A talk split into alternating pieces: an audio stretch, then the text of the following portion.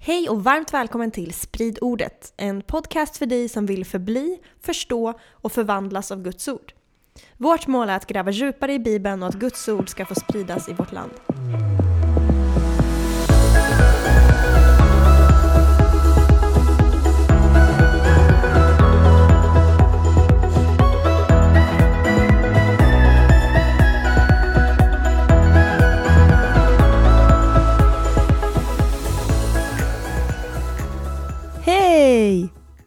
Vet ni vad? Snart är jul! Woho! Och det betyder att här kommer årets julspecial. Woho! Jag gillar jul, märks det? Du gillar jul. Det är jättejuligt här. Ja, det är julpyntat. Det är doftljus. Det är ordning och reda. Det är det inte. Det är inte ordning och reda. Det behöver julstädas. Det ligger icke inslagna julklappar här och var. Men eh, julens budskap är ju detsamma. Ja, exakt. Det handlar om Jesus. Yes. Så är det. Eh, och eh, det är ju så här att vi har, vi har ju börjat ta in bibelfrågor via mail på hej eh, och så kan man även klicka på länken i beskrivningen av avsnittet om man vill spela in ett röstmeddelande, om man vill skicka in frågor där. Det är ingen som har vågat det än. Nej, Vill du vara den första? ja, det är bra challenge där. Kör bara kör. Nej, men och en av frågorna vi- fick in var faktiskt i... Ja, du kan ju läsa den för oss. Är detta en julfråga? Nej, men det, det, jag tyckte att det var det. Vi ska twista det till en julfråga. Ja. Okej. Eh, jag undrar varför Jesus släkttavla i Matteusevangeliet och Lukasevangeliet inte ser likadana ut. En annan fundering om släkttavlorna är varför man följer Josefs släkt och inte Marias. Jesus var ju inte biologiskt släkt med Josef. Sjukt bra fråga. Mm. Har du tänkt på den frågan? Ja. Ja, många gånger. Det är sådär man, man konfronteras med ganska direkt om man bara läser igenom Nya Testamentet. Typ. Så bara, oj, det är två olika släkttavlor. Och varför följer man Josef? Varför? Ja, det är mycket som är så här frågetecken kring det. Brukar du gå igenom din släkttavla varje jul eller hur får du det här till något juligt? Att Jesus föds eller? Ja, men du vet mycket väl. Att det är ju faktiskt så att man brukar läsa eh, de här texterna i samband med jul, i alla fall Lukas evangeliet och så brukar man ju ändå komma eh, man brukar komma åt liksom, att Jesus föddes, eller hur? Man pratar om inkarnationen, att Gud blev människa och bodde mitt ibland oss. Och det har ju högsta relevans till hans arv att göra, hans släktled att göra. Så. Det är lite långsökt. Men det vi... Tycker du? Okej, nej. Jag okej då. tycker inte det är långsökt alls. Det är det är den jag bara utlovade... känner hur julkänslorna bara kommer. Bara, mm, en släkttavla. Nej men alltså, Du får överbevisa mig. nej, men alltså det är ett barn som blir fött. Ja, Det är det som är julens budskap. Grymt. Och storyn bakom. Okej, nej men jag tänkte så här, så vi kollar på släkttal. Efter Jennys roast här av julspecialen så ska vi nu kolla på Matteus och eh, Lukas evangeliets släktträd, eller vad ska vi säga, Mm. som beskriver Jesus så. Och jag tänker väl att vi börjar kolla på Matteus, sen kollar vi på Lukas och sen så kanske vi jämför dem lite och vad vi kan dra för slutsatser. Grymt. Typ så. Yes, så i Matteus evangeliet kapitel 1, vers 1-17, då har vi den här släkttavlan, släktledet, släktträdet. Vad säger man ens? Jag vet inte. Allt funkar. Allt funkar, Mm. okej.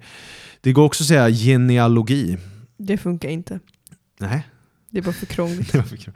Hur som helst, Matteus, som är en fantastisk författare på många sätt och vis, han lägger ju betoningen på Jesus då som den kungliga sonen till Abraham och till David, kan man säga. Så det som händer där i Matteus evangeliet är att han lägger fokus på Jesus som judarnas kung, som den utlovade Messias. Och så använder han jättemycket av Matteus evangeliet för att highlighta hur Jesus uppfyller alla profetier och hur han är den här utlovade Messias, den här utlovade kungen. Mm. Och då är det ju faktiskt så att gamla släktled kunde garantera legitime, eh, vad, säger man? Le, eh, legitimiteten för en specifik Snyggt. roll. Eh, till exempel om du var präst eller kung. Och så, det gäller ju även idag, liksom i kungafamiljen. I är Sverige du, är även. du adlig månntro? Ja, men så här, i Sverige... Von Eurell? Ja, nej, men Sveriges kungahus, då måste du födas in liksom, i kungafamiljen för att kunna göra anspråk på tronen. Så är det. Och därför så använder ju då Matteus det här släktträdet för att visa upp Jesus eh, familjeidentitet och visa att han uppfyller rollen som messiansk kung. Mm. Så, jag tänker att vi, vi läser vers 1 här i Matteus evangeliet. Detta är berättelsen om Jesus Kristus, Davids son, Abrahams son. Där har vi det. Wow. Wow, alltså är det inte bra grejer? Det här highlightar ju där att det är, detta är Davids son och att det är eh, Abrahams son, eller hur? Och när man säger son menar man inte på samma sätt som idag eller? Att det är hans biologiska son. Nej, nej, nej, precis. Son kan ju användas som bara som ättling eller avkomma. Liksom, eller vad, vad ska jag säga? Du kan använda som barn, barn, barnbarns, barnbarns, barn. Barnbarns, barnbarns, Ja. barnbarns, barnbarn. Ja, precis. Och så vidare. Och så vidare. Och, och, hur, hur, vad intressant hur den där inleds, Matteus 1, eh, 1 där. Första frasen, bara en, en fun fact för den. Detta är berättelsen. Detta är berättelsen, ja, för den bibelnördige. Det är faktiskt så att det är en... Matteus evangeliet är ju skrivet på grekiska. En del tror att det var skrivet på arameiska eller något sånt, sen översatt till grekiska. Okej. De manuskript vi har i alla fall är på grekiska. Mm. Och den frasen han inleder Matteus evangeliet med är exakt samma fras som används av den grekiska översättningen av eh, Första Mosebok, eh, eller som används i Första Mosebok för ett hebreiskt ord som heter toledot. Toledot. Ja, och det används för att markera ett nytt stycke i Första Mosebok på flera ställen. Till exempel kapitel 2, kapitel 5, 6, 10, kapitel 11 och sådär. Och det, ibland översätts det till den fortsatta historien eller släkttavla eller olika grejer. Poängen är i alla fall att Matteus använder den här frasen då för att vi ska tänka på Första Mosebok. Att vi ska eh, komma tillbaka till just den här urhistorien. Vi ska bildas med, ah, den här berättelsen Jesus nu kommer med, den är connectad till Bibelns första kapitel redan från första början. Intertextualitet. Yes, hyperlänkar. Precis så är det. Och då, han började med att säga att detta är berättelsen om Jesus Kristus. Kristus är ju det här grekiska ordet för det hebreiska ordet Messias. Mm. Den här utlovade frälsaren man har väntat på. Så. Som vi har gjort en hel serie om, profetior om Jesus. Och, där. Det har vi. och där lägger man en betoning då nu på att han är Davids son. För David är ju en av huvudpersonerna i hela hebreiska bibeln. Och han är ju liksom den här stora kungen som också blir utlovad att en av hans ättlingar framöver, en av hans avkommor framöver kommer regera för evigt. Och därför följer man liksom i den hebreiska bibeln med spänning Davids dynasti. Man följer liksom det konungsliga ledet i sydriket Juda då, som sen uppstår. Eftersom David fick ett löfte då om att, på, eh, att, att Davids rike och Davids tron skulle bestå för evigt. Och han skulle ha någon som skulle sitta på den för evigt. Så. Mm. Och om man vill fördjupa sig i det här, då har vi gjort ett poddavsnitt tidigare. Som heter Varför kallas han Davids son? Profetier om Jesus, episod 9. Yes. Så om man vill djupdyka i det kan man göra det. Hur som helst, det här med Davids son. Eftersom det är jul nu, eller snart jul, och det är en julspecial här, Yes. så, så tänker jag att vi ska läsa en julpassage här som verkligen betonar att Messias skulle sitta på Davids tron och regera. Och det är Jesaja 9. Så om vi läser Jesaja 9, vers 6-7 där. Ty ett barn blir oss fött, en son blir oss given, på hans axlar vilar herradömet, och hans namn är under, rådgivare, mäktig Gud, evig fader, fridsfurste. Så ska herradömet bli stort och friden utan slut över Davids tron och hans kungarike. Det ska befästas och stödjas med rätt och rättfärdighet, från nu och till evig tid. Herren Sebaots nitälskan ska göra detta. Så där har vi löftet hur en, en, det ska födas ett barn, en son ska bli given och han kommer vara Gud själv. Och han kommer då sitta på Davids tron och ha det här riket som befästs för evigt. Och därför är det så viktigt då att när Jesus kommer och påstår sig vara Messias, att han har, att man kan bevisa att han kommer från Davids släktled. Mm. Det är superviktigt ju, för annars kan han inte göra ett juridiskt anspråk på tronen. Och han uppfyller inte profetian. Exakt, och då kan han inte vara Messias. Eh, och, och Tur att han var det. ja, exakt, exakt. Men tur då att också, det, då står det där i Davids son, så står det Abrahams son. Och det är ju väldigt logiskt eftersom Abrahams son är ju David. Så du kan omöjligt vara Davids son om, utan att vara Abrahams son. De är släktingar. Exakt, exakt. Så eftersom David härstammar från Abraham. Och en del så här bibelforskare spekulerar att kan det också vara en messiansk titel, Abrahams son? Abrahamsson. Ja, exakt. Abrahams son, ja. Eh, och, och, eh, det, det kan mycket väl vara så. För den som verkligen är nördig här så kan jag ge en källa, referens till det. Det är ett pseudepigrafiskt verk, det vill säga alltså det, är, det, är inte, det är inte ett verk som är... Ja, men jag sa ju att det skulle bli nördigt. Det är alltså ett verk som inte är skriven av... Alltså den som påstår sig ha skrivit det är inte den som har skrivit det. Jaha, alltså. Ja, och, och man ser inte som gudomligt inspirerad skrift. Men det visar ändå hur judarna tänkte sådär på den tiden. Och det är Levis testamente 8.15. Där, stå, där verkar det som att Abrahams son var en messiansk titel. Så att man hade någon förståelse om så här, det. Och man kunde kanske använda det också som en titel på den kommande Messias. Anyways, det är inte det här vi ska prata om. Utan det vi, det vi ska prata om är ju själva släkttavlan nu då. Släktleden här. Och så från kapitel 2, äh, vad säger från vers 2 till vers 16 så rabblas massa namn i det här släktträdet eller ledet. Och det namn han börjar med då, Matteus, är Abraham. Så är det. Och det är ju dels för att Matteus evangeliet har den här väldigt judiska betoningen. Att Matteus skriver till judar Yes. och eh, Abraham är den första juden. Så det är väldigt logiskt. Rimligt. Yes. Och det som händer sen då är att Matteus delar upp släktledet i tre grupper om 14 generationer var. Och i, i, i, vers 17 då, i kapitel 1 så förklarar han sin struktur. Så vi kan läsa det bara, så, så sammanfattar det liksom hela släktledet där i vers 17. Alltså blir det tillsammans 14 släktled från Abraham till David, 14 led från David till fångenskapen i Babylon och från fångenskapen i Babylon till Kristus 14 led. Yes. Så jag uppmuntrar alla att eh, läsa de här verserna själv, liksom 1 till 17 i Matteus 1. Men vi gör inte det nu för att spara tid. Då. Mm. Och, men det spännande är att han, han, han delar upp det sådär. Väldigt intressant. Det verkar finnas någon profetisk eh, signifikans med det här, att dela upp det på det sättet. Ja, vad är poängen med det? För de två stora stopppunkterna han har, det är ju kung David, Eller Abraham till David. exakt, och babylonska exilen. Mm. babyloniska fångenskapen. Och då blir det så här, okej, de det, är två, det är typ Israels största historiska händelser. Det låter rimligt. Det förstår jag, makes sense. Men varför ramar man in det på det här sättet? Jo, men på ett sätt är det ju massa sjuor. För talet sju är ju välkänt inom, eh, Symbolik. inom symboliken. inom Biblisk Bibeln. symbolik. Eller hur? Det, det symboliserar fullkomlighet och fullbordan. Och eftersom det är tre set av 14 då, i det här Mm. släktledet så har vi sex stycken sjuor. Så är det. Vilket pekar på den kommande sjunde sjuan liksom, som ska initieras. Där Guds syfte för sitt folk når sitt klimax. Förstår du? Mhm. Och då blir det sju stycken sjuor. Och det ska föra tankarna till tredje Mosebok 25 där det pratas om att det var, var sju gånger sju år, alltså var 49 eller var 50 år, skulle hållas ett jubelår. Och i det här jubelåret så skulle alla slavar få gå fria, de skulle få återvända till sin egendom, det skulle vara ett heligt år, ett år av vila, ett år av payback, ett år av välsignelse. Liksom. Och då verkar det som att bara genom den här tavlan visar han också att det här jubelåret initieras i och med Messias ankomst. Mm.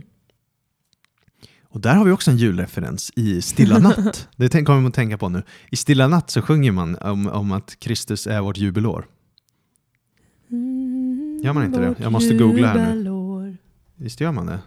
Stilla natt. Precis, nu begynner vårt jubelår. Räddningsti räddningstimman för världens lår. Räddnings- Ja, just det. Ja, räddningstimman för... Nej. Nej, så går det inte. Nu begynner vårt jubelår. Exakt. Så ser du, där-. Riktigt bra teologi där i Stilla natt. Du ser redan Matteus evangeliet bara packar in det där. Låtskrivarskillsen och teologinivån är sky high. Verkligen. Men då blir följdfrågan, som du kanske också tänkte på, okej, men varför delar han upp det då i 14 och inte sjuor? Ja, Jo, och det är för att han vill visa att Jesus är Davids son. För David på hebreiska består av tre hebreiska bokstäver. Det är Dalet, Vav och Dalet. Vilket man skulle förenklat kunna säga är DVD. DVD. DVD, ja. Exakt. Gammaldags. Och, och, och hebreisk, alla hebreiska bokstäver har också ett talvärde. Och hebreiska eh, bokstaven Dalet har talvärdet 4 och hebreiska bokstaven Vav har talet 6. Så det blir 4, 6, 4. Vilket blir 14. Da, da. Så Davids tal, Davids nummer är 14. Det var det han hade på ryggen när han spelade fotboll. Men det, det, det är därför det blir så då, när Matteus visar Jesus släktled så ser vi att David är nummer 14 på hans lista, för han börjar med Abraham. Och från Abraham till David är det 14. Och sen gör han 14 till och 14 till. För att visa verkligen att Jesus är Davids son här. Boom. Och det här, så att han använder verkligen siffertekniken här väldigt avsiktligt. Och liksom siffersymbolik är ju något Bibeln använder sig jättemycket av. Mm. Det är även något som kallas gematria, eh, alltså en teknik. Liksom. Och sen det finns såklart en fallgrop i att man överdriver det jättemycket och ser symbolik i alla nummer hela, hela tiden. Men man får inte heller falla i andra gropen och tro att inte siffror spelar någon roll, utan det är djup symbolik i det. Mm. Till exempel, ja, men du vet, i Uppenbarelseboken så är vilddjurets tal 666. Det har ett djupt symboliskt ta- eh, värde med, med att människans tal är 6 och, och det är talet innan 7 och att det inte blir exakt fullkomligt. fullkomligt. Exakt, medan Jesus på grekiska, Jesus, blir 888 i talvärde. Och 8 är symbolen för ny början och att saker börjar om. Det var därför liksom, ja, det var därför åtta personer var i arken när Noa klev ut därifrån eh, Noas flod och allting. Det var åtta personer klev ut för åtta var symbolen för ny början. Åtta är åttonde dagen, det är ju dagen som börjar en ny vecka och så vidare. Så Jesus kom med en ny början. Ett jubelord. ja, kanske. Nej, men det var. Så att det är bara lite symbolik kring det då. Typ. Mm. Men då blir så här frågan, okej, men är det verkligen 14, 14, 14? Eller saknas det några namn i den här tavlan? You tell me. Och det gör ju det. Matteus har ju tagit bort några namn. Men han har ändå skrivit som sammanfattning. Alltså är det 14 släktled Mm. här och där. Mm. Det är ju 14 totalt när han skriver. Men alltså han... han Ja, du menar att han har tagit bort några, Alltså, så han det ska egentligen vara över. 15-16 någonstans? Typ. exakt. Aha. exakt. Och, och det här är jätteintressant då, för att när man börjar granska släkttavlan och så jämför man med relevanta andra texter i hebreiska bibeln, Gamla Testamentet, då ser man att Matteus utelämnat vissa namn. Alla är inte med. Är de med i Lukas då? Ehm, Eller spoilar jag din ordning? nej, nej, nej, nej, men Lukas går igenom ett annat led faktiskt. Okej. Så att, eh, går inte att kolla, kolla där. Så att, eh, men, men, men det är så här att när man jämför Alltså, det är inte ovanligt att man utelämnar namn i gamla släktled. Det förekom liksom för att förenkla dem. Vad sad. Hela ditt liv hoppades över. Ja, ja men exakt. Och ibland, alltså det gjordes för att det blev lättare att memorera till exempel. Och ibland förenklades de av litterära eller symboliska skäl då. Vilket sker här troligtvis. Ja. Men man ser tydligt att det saknas tre generationer namn. Mellan kung Joram och Ussia, som nämns i vers 8 i Matteus evangeliet 1, så saknas tre kungar. Det är Ahasja, Joas och Amasja. Och de finns nämnda i Gamla Testamentet. De finns nämnda i kungaböckerna och krönikeböckerna. Men de finns inte nämnda i släktledet här. Nej. Vad är grejen? Varför har Matteus tagit bort just de här tre kungarna? Han Då kan man tänka, ja men det är bara för att han vill ha kungar. 14. Eller hur? Ja, de är dåliga kungar. Jag, jag har grävt i det här nu och jag ville verkligen veta det för att jag tror ju inte att saker bara sker av en slump i Bibeln, eller hur? Utan det finns ju Mm. verkligen en djup profetisk anledning. Varför tog jag inte bort tre andra kungar? Mm. För att han vill ju bara få till det här med 14. Och det är jättespännande när jag grävt i det här, för att Så jag älskar din entusiasm över ett släktled. Det är helt fantastiskt. Come on. Och, och det jag märkte var då att historiskt sett har inte kristna haft problem med det här. Varför de här kungarna togs bort. Liksom. För det är en profetisk presentation, släktledet. Mm. Och man ser kyrkofäder på 300-talet skriva om det här redan. För det var ju så här, om vi, om vi bara tar en recap liksom, för de som inte är eh, så bevandrade med Bibelns berättelse exakt, eller kommer inte ihåg det, Ben Refreshing, så är det så här att David var kung i Israel. När han dör så tar hans son Salomo över. Yep. När Salomo dör, efter att Salomo regerat i en guldålder och har varit fantastiskt, då delas landet upp i två hus kan man säga. Norra riket och södra riket. Mm. Norra riket heter Israel, södra riket heter Juda. Norra riket går igenom massa olika dynastier. Nio olika stycken. Alltså olika eh, konungsliga släkter och det är intriger och allting. Ja. Och, och, och- och de går från dåligt till sämre. Och det blir bara värre och värre i avgudadyrkan och till slut så kommer assyrierna och invaderar dem och eh, för bort dem i fångenskap. Och det blir kaos. 722 f.Kr. Men sy- södra delen, Juda, de har bara en dynasti. Det är hela tiden Davids söner, eller om du förstår vad jag, om jag använder ordet söner som i barn, barn, barn, barn, barn. Ja. Barnbarns barnbarns barnbarn. Och det är för att Gud hade slutit förbund med David om att han skulle ha den eviga dynastin. Mm. Och så det är de här ledet vi kollar på nu i Sydriket. Och det vi ser är att vissa kungar gjorde bra ifrån sig, andra gjorde ruttet ifrån sig, vissa blev avgudadyrkare. Eh, och det är tre stycken som dör våldsamma dödar av de här kungarna. Och det är de tre som han har tagit bort. Ja, det är det. Det är Ahasja, Joas och, eller Joas och Amasja. De dör våldsamma dödar. De, and, de flesta andra verkar dö av ålder eller sjukdom. Så då när jag började gräva tänkte jag, är det här anledningen? De blev diskvalificerade för att de inte fick leva tillräckligt länge. Men det verkar inte vara skälet heller riktigt Nej. när jag grävde det. Men jag tyckte det var ändå en intressant koppling. Ja. Utan vad svaret nog ligger i när jag grävde det där, det är i en berättelse som finns i Andra Kungaboken. Och det är i Israel, i Nordriket alltså, inte där Davids släkt styr. Så finns det en genomrutten kung som är en riktig avgudadyrkare som heter Ahab. Ja. Och han är gift med en kvinna som heter Isabel. Som inte är skärmig. Isabel eller Jezebel, bero, beroende på ja, vilken översättning man har. Och hon är liksom Queen of wickedness. Alltså hon är verkligen ondskefull. Hon är en enorm avgudadyrkare och förleder eh, sin man till att dyrka främmande gudar. Hon är, hon är inte judinna själv utan hon är si- sidonier, eller vad det kallas, alltså från, ja, från Sidon. Och eh, Sidonit. Ja, men typ sidonit kanske. Och hon, hon och Ahab, de gör så hemska saker så att Gud bara blir så upprörd och säger till dem att det, ni kommer inte ha några eh, ni kommer inte ha några kungar som sitter i Israel på fyra generationer. För ni har begått den här ondskan. Liksom. Men Ahab och Isabel, de får en dotter som heter Atalja.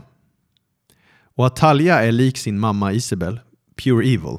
Oj då. Och Atalja, hon är precis som sin morsa. Morsan som gifte in sig i de här kungliga ledet för att komma åt makt, få inflytande, kunna kontrollera människor, styra människor och vilseleda dem in i avgudadyrkan. Samma sätt med hennes dotter. Hon gifter in sig i konungsledet, fast i sydriket, Ah. in i Juda. Så hon gifter sig med Joram då.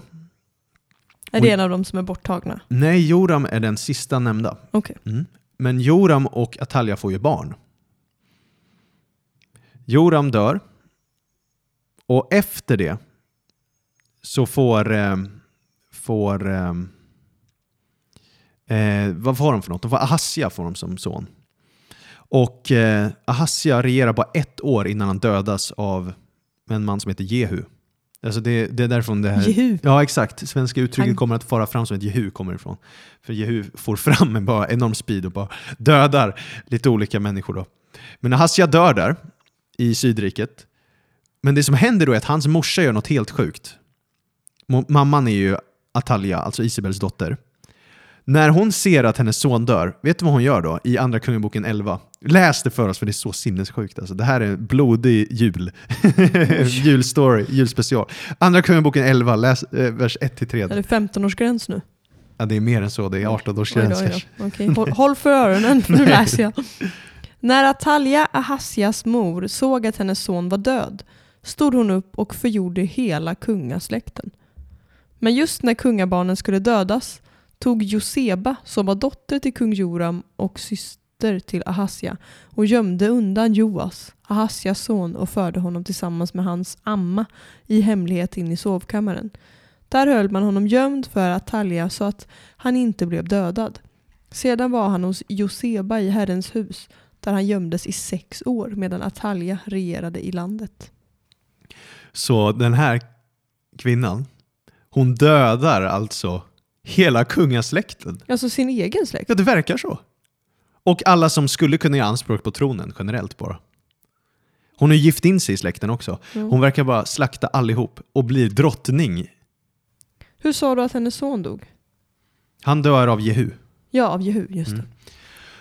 Så Atalja tar över makten, blir drottning, är makttörstig precis som sin morsa. Så morsan var i Israel, i Nordriket, så är hon nu i Sydriket. Och, Och härjar. och hon härjar.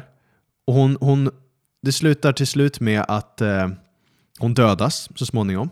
Och hennes barnbarn då, Joas, eller Joash, Han som gömde sig. tar över makten som sjuåring. Jarrå. Förstår du det? Han är sju år gammal när han får ta över makten.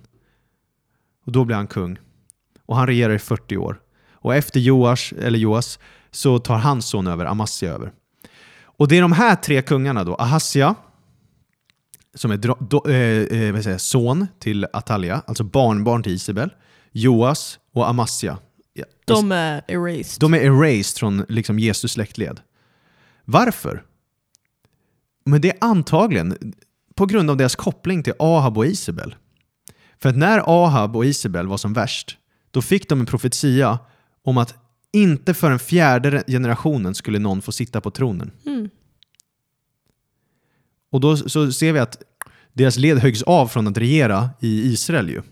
Ja. Men det verkar som att de inte ens såg som riktiga regenter på ett sätt i Sydriket heller då, på grund av de här synderna Mm. som deras eh, släktingar, eller vad säger tidigare generation gjort då. Spännande. Så- Om ni har hållit för öronen så kan ni ta bort händerna nu. Sjukt logiskt. Och, och då blir det så här, så de straffas då i tredje till fjärde släktledet. Och det här är ett mönster vi ser i Andra Mosebok 20. För där talas det om avgudadyrkan. I Andra Mosebok 20 så talas det om de tio budorden. Mm. Och om vi läser det där i vers 5, vad det står där. Du ska inte tillbe dem, alltså avgudar, eller tjäna dem. Ty jag, Herren din Gud, är en nitälskande Gud som låter straffet för fädernas missgärning drabba barnen, ja, tredje och fjärde släktledet när man hatar mig. Wow, så där ser du liksom att det är någon form av generational generationsförbannelse nästan.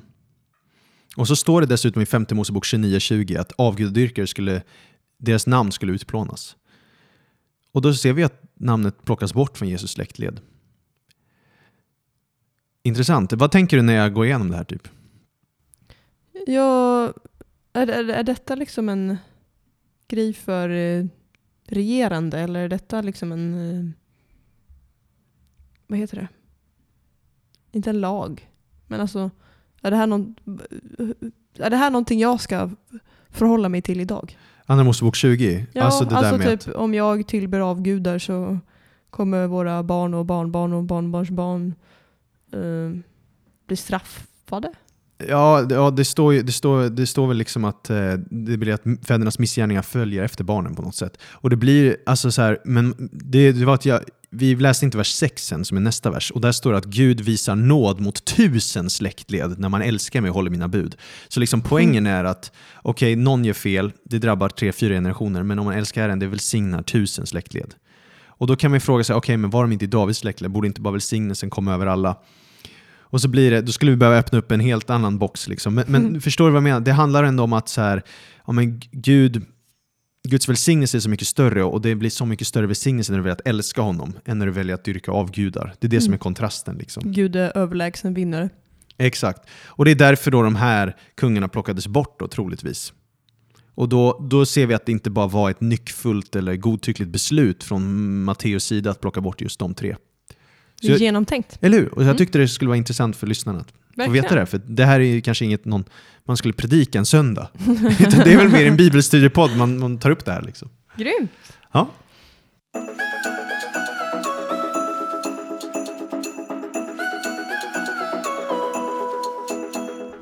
Nu ska vi prata om något väldigt bra. Kvinnor. Kvinnor, ja precis. För det finns en sak till som sticker ut i Matteus släkttavla och det är att han nämner kvinnor i, sin, i, i, i det här släktledet, Jesus släktled. Och det brukade man inte göra på den här tiden eller? Verkligen inte. Man brukade bara ha med männen. Det var värst. Och det ser vi också när vi kollar sen på Lukas evangeliets version. Då är det bara killarna som nämns. Och det lustiga är vilka typer av fem kvinnor det är som nämns. Det är Tamar, Rahab, Rut, Batseba och Maria. Och vi, vi behöver inte gå in på alla på djupet och i detalj sådär, men jag tänker ändå att vi kan börja med den här Tamar som nämns. Hon är den första kvinnan som nämns på listan. Och i, liksom, i, i förkristen litteratur så ses hon som en aramé, alltså en hedning, inte judinna. Mm. Okej, Och hon nämns i Första Mosebok 38. Och Tamar var gift med en, en, en, en, en bror, eller en bror, inte sin bror, nu blir det Bror. väldigt fel här. Alltså hon var, hon var gift med en man, så. och han hade två yngre bröder, den mannen. Och hennes man dör utan att ha fått barn. Så då vid den tiden så hade man något som kallades leviratäktenskap. Och det innebar att typ när en kvinnas man dog utan att efterlämna en arvinge så skulle, och om man hade en brorsa, då skulle eh, förväntade liksom familjen sig att änkan skulle gifta sig med den brodern för att föra vidare den döde broderns namn. Sjukt nasty. Förklarade jag väl eller blev det otydligt? Ja, absolut. Men det, det är ja, inte direkt kulturellt acceptabelt det var typ idag. nästan som spermadonator typ. så Dåtidens- brorsan blev spermadonator till den döde broderns namn. Liksom. Så, så eh, det blir alltså en leviratäktenskap, eh, eh, en, en typ av äktenskap där en kvinna efter sin makes död gifter om sig med dennes bröder om inga Med sin eller bror. svåger. Ja, exakt. Om inga barn föds. Med sin svåger, precis. så sjukt. För att fortsätta den döde ma- makens ett. Och då det här, varför det kallas levir eller levirat, det är för att levir är ett latinskt ord som betyder makes bror. Jaha. Ja. Men det är väl svåger, eller? Blir Ja. Det? Ja, det blir det ju. Exakt. Wow. Svågeräktenskap. Dö, dö inte är du snäll.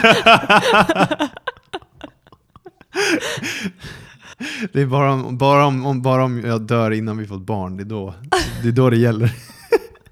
Dö inte är du snäll. Nej, det gäller inte idag, men ja, det var, det var ju så den praktiken man tillämpade i alla fall. Det här är viktigt för Tamar då, för Tamar, eh, hennes man dör, gifter sig med en annan, han dör eh, och eh, han dör, Han dör för, också. Ja, han dör för att det, han, är, han är onan, han heter Onan.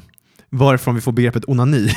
men, men det var för att han, han spillde utanför. Han, han, han, han låg med Tamar, men han spillde sin säd utanför. Han missar Säger målet. Bibeln. Han missar målet. och det ses som något väldigt ondskefullt i Guds ögon då. Eh, och det som händer då är att han, han dör också då, eh, innan de hinner få barn. Och då kommer den här tredje brodern, men han är för ung för att gifta sig. Så svärfadern, alltså Juda, lovar Tamar, ja, men när, min, när min son växer upp här, då kommer du få gifta dig med honom. Eh, Och Tamar väntar och väntar, och den tredje brodern växer upp och blir vuxen, men löftet hålls inte. Och då gör hon något sjukt, då förklär hon sig till en prostituerad. Det är hon! Det är hon ja, hon, blir hon förklär sig som prostituerad. Lurar sin svärfar, ligger med honom. Alltså det här är så otroligt näsigt. Det här däremot, om, om vi sa, du sa innan så här att typ åldersgräns på lyssningen, det här är nog Ja, värre nu, faktiskt. förlåt, nu var ni för sent. Ja, alltså, men det här, vi talar hebreiska bibeln, kommer som har värre än alla Hollywoodfilmer. Och, och, och då, hon ligger med sin svärfar, och jud, alltså Juda, och hon blir gravid. Hon blir gravid. Och hon föder så småningom två tvillingar, Peres och Sera. Och Peres blir sen då den som senare kommer bli eh, stamfader till kung David. Mm. Och, och sen så småningom Jesus då, kung Jesus. Så det är den första kvinnan som nämns i det här släktledet. Så vi har en hedning här som lurar sin svärfar, klär ut sig som prostituerad, blir gravid genom... Det är inte incest liksom, på ett biologiskt perspektiv. han, men det vad var ett- det för ja, svärfar som gick och låg med prostituerade? ja, verkligen. Det är inte... Och det är liksom... Det är det som är Jesus släktled, Juda och allt. Förstår du? Och det, det har en teologisk poäng med det här då. Men andra kvinnan som nämns är Rahab. Rahab är också prostituerad. Det är hon. Och Rahab är också hedning, alltså icke-judinna. Och Rahab, i hennes fall så, kommer du ihåg storyn? Kan du kort Hon recappa eh, den? hjälper till att eh, rädda eh, hebreerna så att de kan, eh, eller vad säger man, hebreerna, israeliterna, Ja, så att de ja. kan inta, är det Jeriko? Ja, exakt. precis. Så de tänker inta Jeriko i det förlovade landet. Och, och, ja, Hon, är, hon är på deras sida, hon är på deras sida, hon hjälper dem bespeja landet. Typ så här. Eh, så då låter de henne leva. då låter hon henne leva, precis. Och hon finns även med i Jesus släktled då. Japp. Så det är liksom, vad ska vi kalla en, en, eh, en eh, prostituerad hednisk kvinna, men som genom sin tro blir till räddning och eh, ja, omvändelse. Så här. Mm. Sen har vi Rut. Rut är den tredje kvinnan som nämns. Hon är också hedning. Ja. Och vi börjar se ett mönster där kanske i vilka, Jesus, eller, vill säga, i vilka Matteus väljer att nämna Mm. i Jesus släktled. Och Rut är ju, eh, hon målas Och ju upp som det, är lite... alltså, det är också en big deal för judarna, Yes, måste vi också ja, säga. lyft fram det. Att, eh, att man är hedning. För, att, eh, för dem är det ju jätte, superviktigt att man är superjude. Exakt, att man kommer från Abraham. Ja. Så det är en big deal Det är en jättebig deal. på den tiden. Yes. Och eh, Rut är ju då... Alltså en negativ Ja, deal. ja precis. Bara Ja. lägger till det. Ja, ja, exakt, exakt. Rut pratade vi faktiskt om förra julspecialen. Så om man vill djupdyka i det kan man lyssna på den. Här har ni fler julkänslor. Där, men därför, där pratar vi faktiskt om, vi pratar om Betlehem där, varför Jesus föddes i Betlehem. Så går vi in på Rut lite, för hon kommer från Betlehem då. Eller inte, hon, hon kommer från Moab, men hennes man hon, hon gifte, eh, gifter, gifte sig med först och eh, sen efteråt också kommer från Betlehem. Ja. Och för att göra en lång historia kort där så är Rut hedning, men hon, hon eh, till slut så gifter hon sig med en rik avlägsen släkting till Noomis familj, Boas. Och Boas som hon gifter sig med, det är också då på ett sätt kan man säga via leviratäktenskap, liknande situation. För han är släkting och Ja, hon han är fick släkting inte barn med hennes sin... eh, man som dog. Så det är återigen ett sånt där leviratäktenskap vi har att göra Mm. med här. Sen fjärde kvinnan är Batseba. Mm. Och när man läser om henne i Matteus släktled så verkar det vara en kvinna Matteus verkligen inte verkar gillat. För att han nämner henne inte vid namn. Han kallar henne Urias hustru. Varför då? Ja, varför då? Jag tror, jag tror det har att göra med, med att, ehm, att Uria var hetit, alltså hedning. Mhm. Och då vill Matteus påpeka hennes koppling till det hedniska. Men så då hade det ju inte alls att göra med att han inte gillar henne. Då vill Nej. han ju bara visa ett tema på att kvinnorna i släktledet inte har judiskt Så kan det mycket väl vara. koppling. Så kan det mycket väl vara. Jag, jag bara sa så för att spicea till saker. Måste du vara sur? Nej, men så här, och det sjuka med Batseba då, eller Urias hustru, det är ju att det här är alltså den kvinna som kung David väljer att eh, ligga med. Stjäla? Ja, stjäla, för att han har redan fruar. Och det som hon händer... har redan en man. hon har redan en man. Hon har Uria. Och då är det, och vi ska också komma ihåg att på ett kulturellt sätt, i Mellanöstern är män och kvinnor exceptionellt blygsamma när det gäller att exponera sina kroppar. Eh, på den tiden också. Det speciella i den, här, i den berättelse som återges i Andra Samuelsboken om Batseba, det är att när hennes hetitiska soldatmake är borta och kämpar för Israel, då väljer hon att ta ett bad framför ett öppet fönster mot palatset. Alltså hon badar typ på taket naken, så att kungen i palatset kan se henne. Men tror du att det var avsiktligt? Kan mycket väl vara så. Många bibelforskare tror att Kan det inte bara varit så att eh, eftersom man vill bada i varmt vatten och solen låg på så då hällde man upp vatten på taket så att solen kunde värma upp det så var det varmvatten på kvällen. eh, ja, man skulle kunna tro så, men jag, jag vill bara highlighta... Du har aldrig tänkt tanken? Jo, jo, jo, jo, absolut, Okej. det har jag tänkt. Men, men det är så här att eh, i en traditionell by i Mellanöstern så var det bara mäktiga människor som hade andra och tredje våningen till sina hem. Mm. Och sådana människor kunde se ner på sina grannars hem. Liksom. Alltså Mm. inte se ner som i att eh, förakta, utan som i att fysiskt titta ner. Ja, men, men resten av staden kan ju inte se de här privata utrymmena. Och, men Jerusalem på Davids tid var ganska litet och trångt. Så troligtvis är det, det många bibelforskare tror verkligen att Batseba visste vad hon gjorde och var inte dum. Jaha. Och hennes plan lyckades, för kungen lägger märke till henne och inom kort så ordnar han ju så att hon kommer in i palatset. Jag för de var inte att- många meter ifrån varandra, tror, eh, tror liksom bibelforskarna, utan det var ganska nära, för husen låg ganska tätt. Vad sjukt. Det har vad jag de aldrig tror, hört. Hela liksom. mitt liv är en lögn. Ja, det kan ju varit så att David bara var ondskefull och tar en stackars offer, eh, kvinna som ett trott. offer. Liksom. Men det är många som tror att det faktiskt finns något kanske djupare. Lite ömsesidigt. Mm. Precis. Så där har vi henne. Och sen avslutas listan med Maria. Och här är den stora kontrasten av alla andra kvinnor. Det är för att Maria är en ödmjuk lantis-tjej. Det, det var i och för sig eh, kanske Rut också, eller så här, de andra också. Men hon är ett helgon från början till slut.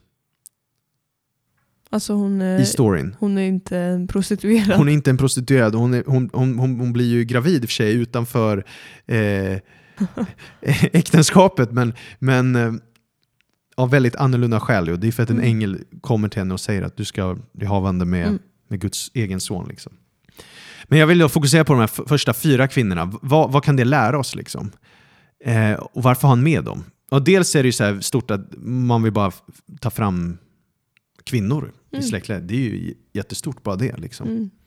Men, men, men sen är det ju också det här med att de är hedningar. Mm. Kan det vara en bild på att frälsningen gäller alla Det tror jag 100%. Det tror jag verkligen. och inte bara judar? Det tror jag är en jätteviktig poäng i det hela. Och sen så tror jag en jätteviktig poäng är också att alla de här som finns med i Jesus släktled är syndare med ett past. Liksom. Kan man säga. Eller alla, ja, men, men de, de är syndare med ett past.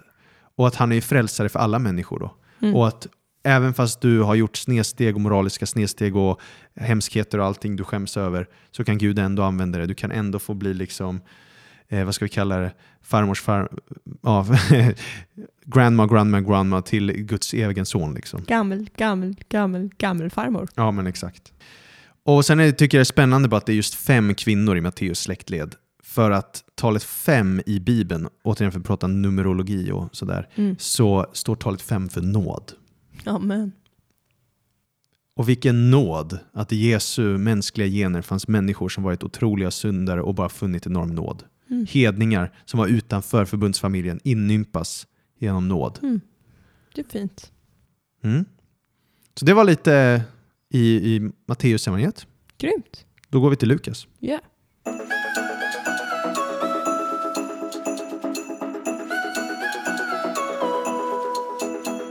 Lukas. Lukas.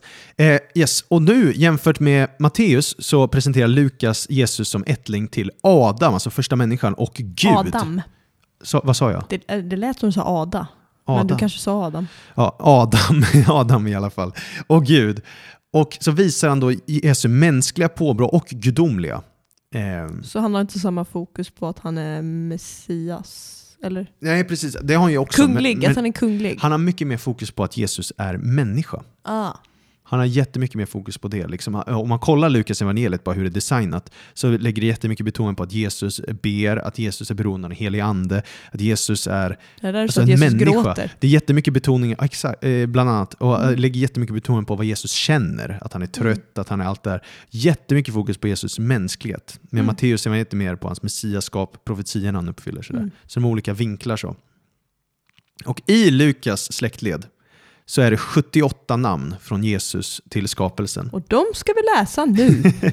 Så om Matteus hade en struktur med 14 gånger 3 så verkar inte Lukas ha någon tydlig. Men en teori är att han har en lista av 77 namn i 11 grupper av 7 namn.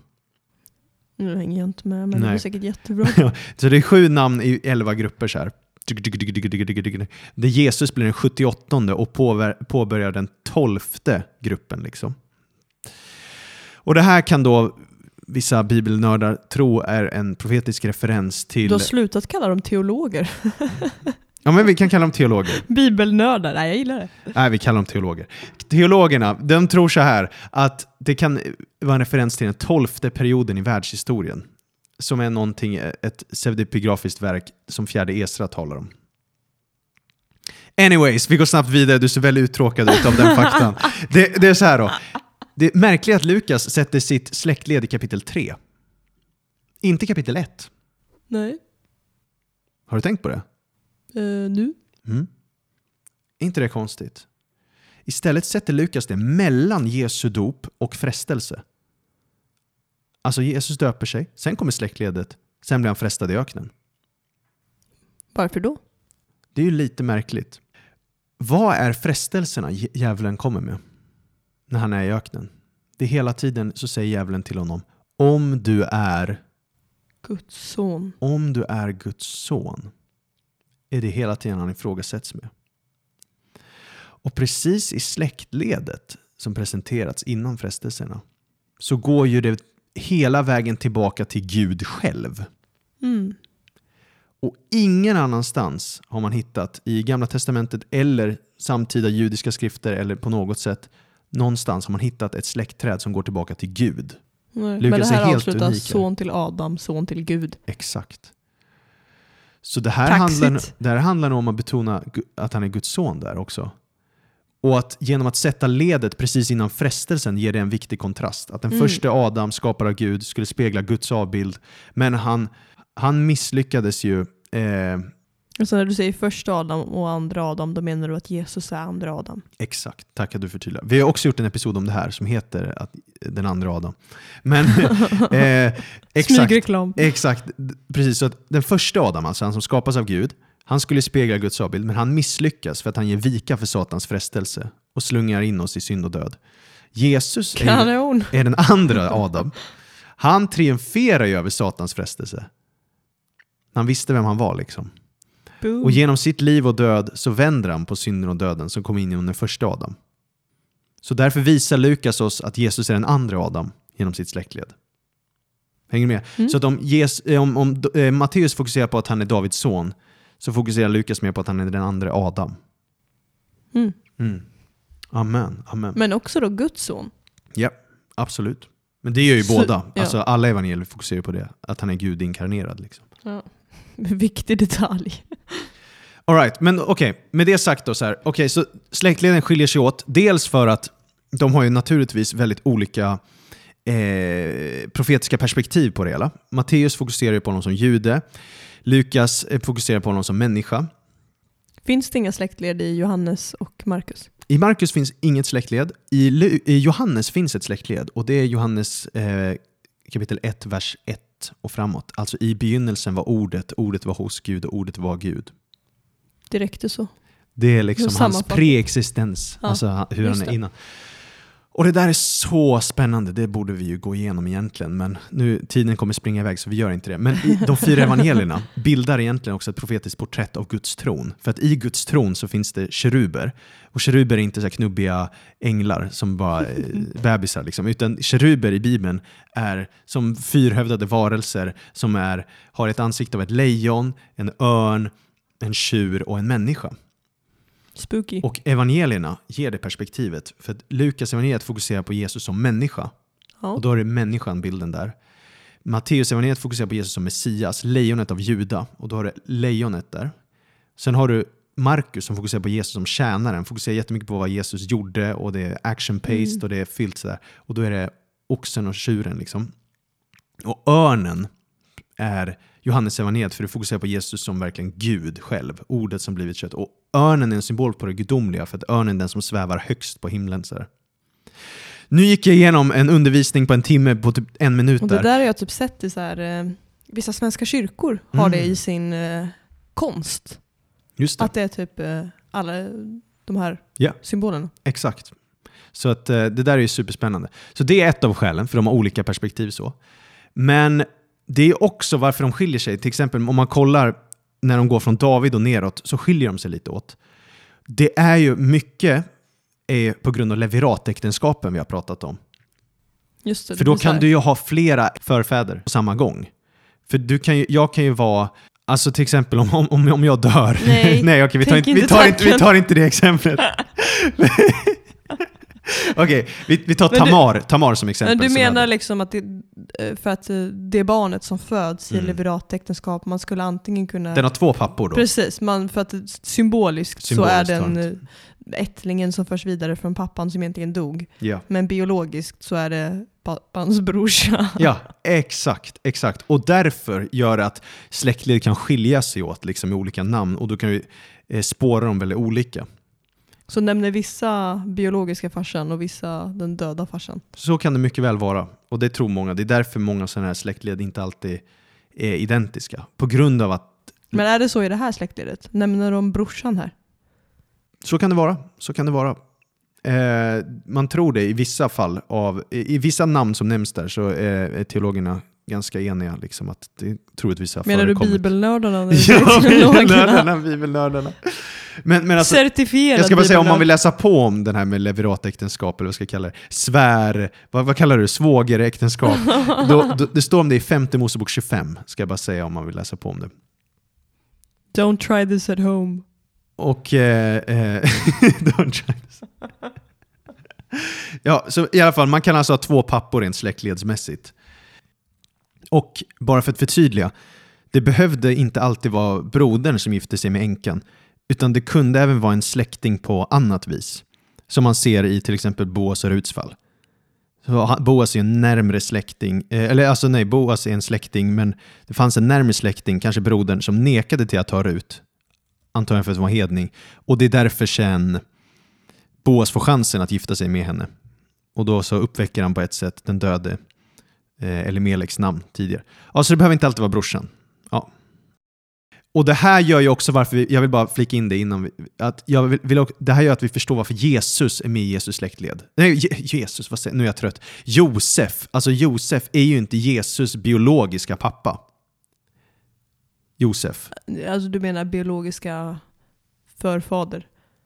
Jos, alltså jag pratar om Ah, Josef jo, som oj, gifte sig Nu med tänkte Maria. jag på Josef i Gamla Testamentet. nej, nej, nu nej. det jag som Alltså, trött. Exakt, Josef Ja. som gifter sig med Just det. jungfrun Maria. Ja. Liksom, där ser vi ju då att Josef, det förstår vi varför Josef är med i släktledet. För att han blir ju Jesu juridiska far. Mm. Det blir ju som, alltså, återigen, det viktigaste är inte alltid biologin utan arvsrätten. Mm. Och via Josef har Jesus arvsrätten till Davids tron. Han är adopterad.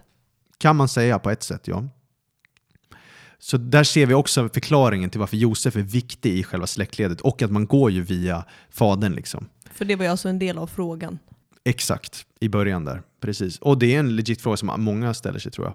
Men jag personligen tror också att varför släktleden skiljer sig åt en del inte bara på grund av levieratäktenskap och sånt i Lukas och Matteus, utan jag tror också faktiskt att Lukas evangeliet spårar Marias släktled. Är båda de härstammar båda från David? Mm. Det, det är vad jag tror verkligen. Ja. Jag tror att, Maria, eh, att det är Marias släktled i Lukas evangeliet. Och det, det låter väldigt rimligt också i ljuset av hur Lukas evangeliet är skrivet eftersom det fokuserar på Jesu mänsklighet. Och den Mm. fokuserar ju jättemycket på det på alla sätt och vis. Och då blir det bara logiskt att det skulle vara Marias släktled man använder sig av. Men man kan också lösa det med att, eh, att det är bara eh, ett gäng olika eh, svågeräktenskap då. ja, men så det ger en förklaring i alla fall varför de skiljer sig åt och lite olika profetiska perspektiv så typ. Ja. Eh, ja. Några tankar Jenny? Glasklart. Glasklart. Ja, men så sammanfattningsvis vill jag väl bara säga så här. Jo men en tanke. Ja, ja, det är ju också stort då, att man, om man utgår från Marias släktled, Mm. eftersom det var en väldigt, vad säger man, patriarkal, alltså det var en väldigt mansfokuserad eh, kultur. Exakt. Och att man då följer Marias släktled bakåt är också jättehäftigt. Jag ska säga att det, det, det här är ju något teologer diskuterar. Det- eh, Ett gäng teologer håller med mig om det här. Ett gäng tror att det handlar om Josef. För Josef nämns ju där. Det är Ja. Josef som nämns, inte Maria. Och då kan det finnas olika skäl till det. Men eh, ja. Mm. Ja. Sammanfattningsvis så kan vi ju säga så här, vi behöver inte tvivla och ifrågasätta Bibelns liksom, beskrivning av de här släktleden, utan båda är legit. Det tror jag verkligen. Alltså, det finns verkligen förklaringsmodeller till varför de skiljer sig åt. De är profetiska i sin natur. Och, och, och det viktiga med, eh, viktiga med släktträden är också att Jesus är den enda som är kvalificerad att vara Messias. Mm. Och det här är superviktigt. För att år 70, alltså typ 40 år efter Jesus eh, död och uppståndelse, då förstörs templet i Jerusalem. Och alla släktträd och alla släktled som är upptecknade förstörs när Titus invaderar Jerusalem. Så ingen... Titus? Ja, det var en, eh, en eh, heter det? En kejsare som invaderade. Och ingen efter Jesus kan legitimt bevisa att de rättmätligen tillhör Davids tron efter år 70 ju. Och det är därför det är bara Jesus som kan liksom claima det här egentligen. För Mm. ingen annan kan verkligen bevisa det nu för alla track records bli, har blivit förstörda. Och så ser vi ju då att Jesus är den enda som är världens frälsare. Och han är verkligen världens frälsare. Vi ser en släktled i Matteus hu- hur Mm. hedniska kvinnor, syndare, eh, och det var ju också syndiga eh, killar och så, verkligen, eh, med i det här släktledet. Mm. Han är Abrahams son, han är, han är hela världens frälsare. Och Lukas visar ju då att han är kopplad till hela mänskligheten. Han är inte bara judarnas räddning utan mänsklighetens räddning. Och det är verkligen julens budskap då, att, att en frälsare har blivit född. Inte en frälsare bara för judiska folket, utan för hela världen. Och han, är, han har uppfyllt profetierna. Amen. Där fick du till en extra julknorr också. Bra jobbat. Absolut. Men absolut. spännande. Tänk att så mycket kunde gömma sig i eh, två stycken, eh, ehm, vad heter det ens? Träd, vad sa vi? Ja, vi, har, vi har växlat mellan släktträd, släktled, släkttavlor, Ja. eh, genealogier. Det fick jag inte använda för dig. Genealogier. Oh, Jenny. Anyway, god jul på er! Så kul! Vi, det här är sista avsnittet för 2022, Yes. men vi kommer tillbaks nästa år.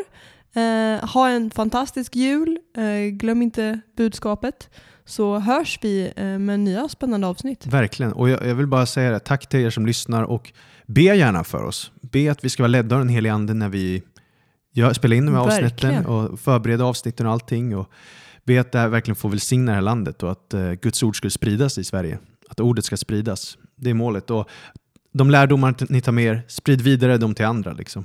Eh, berätta om hur fantastiskt Guds ord är och hur awesome Jesus är framför allt. Det är Jesus Yes. vi vill lägga fokus på den här julen. Amen. Och i, av våra liv för den delen.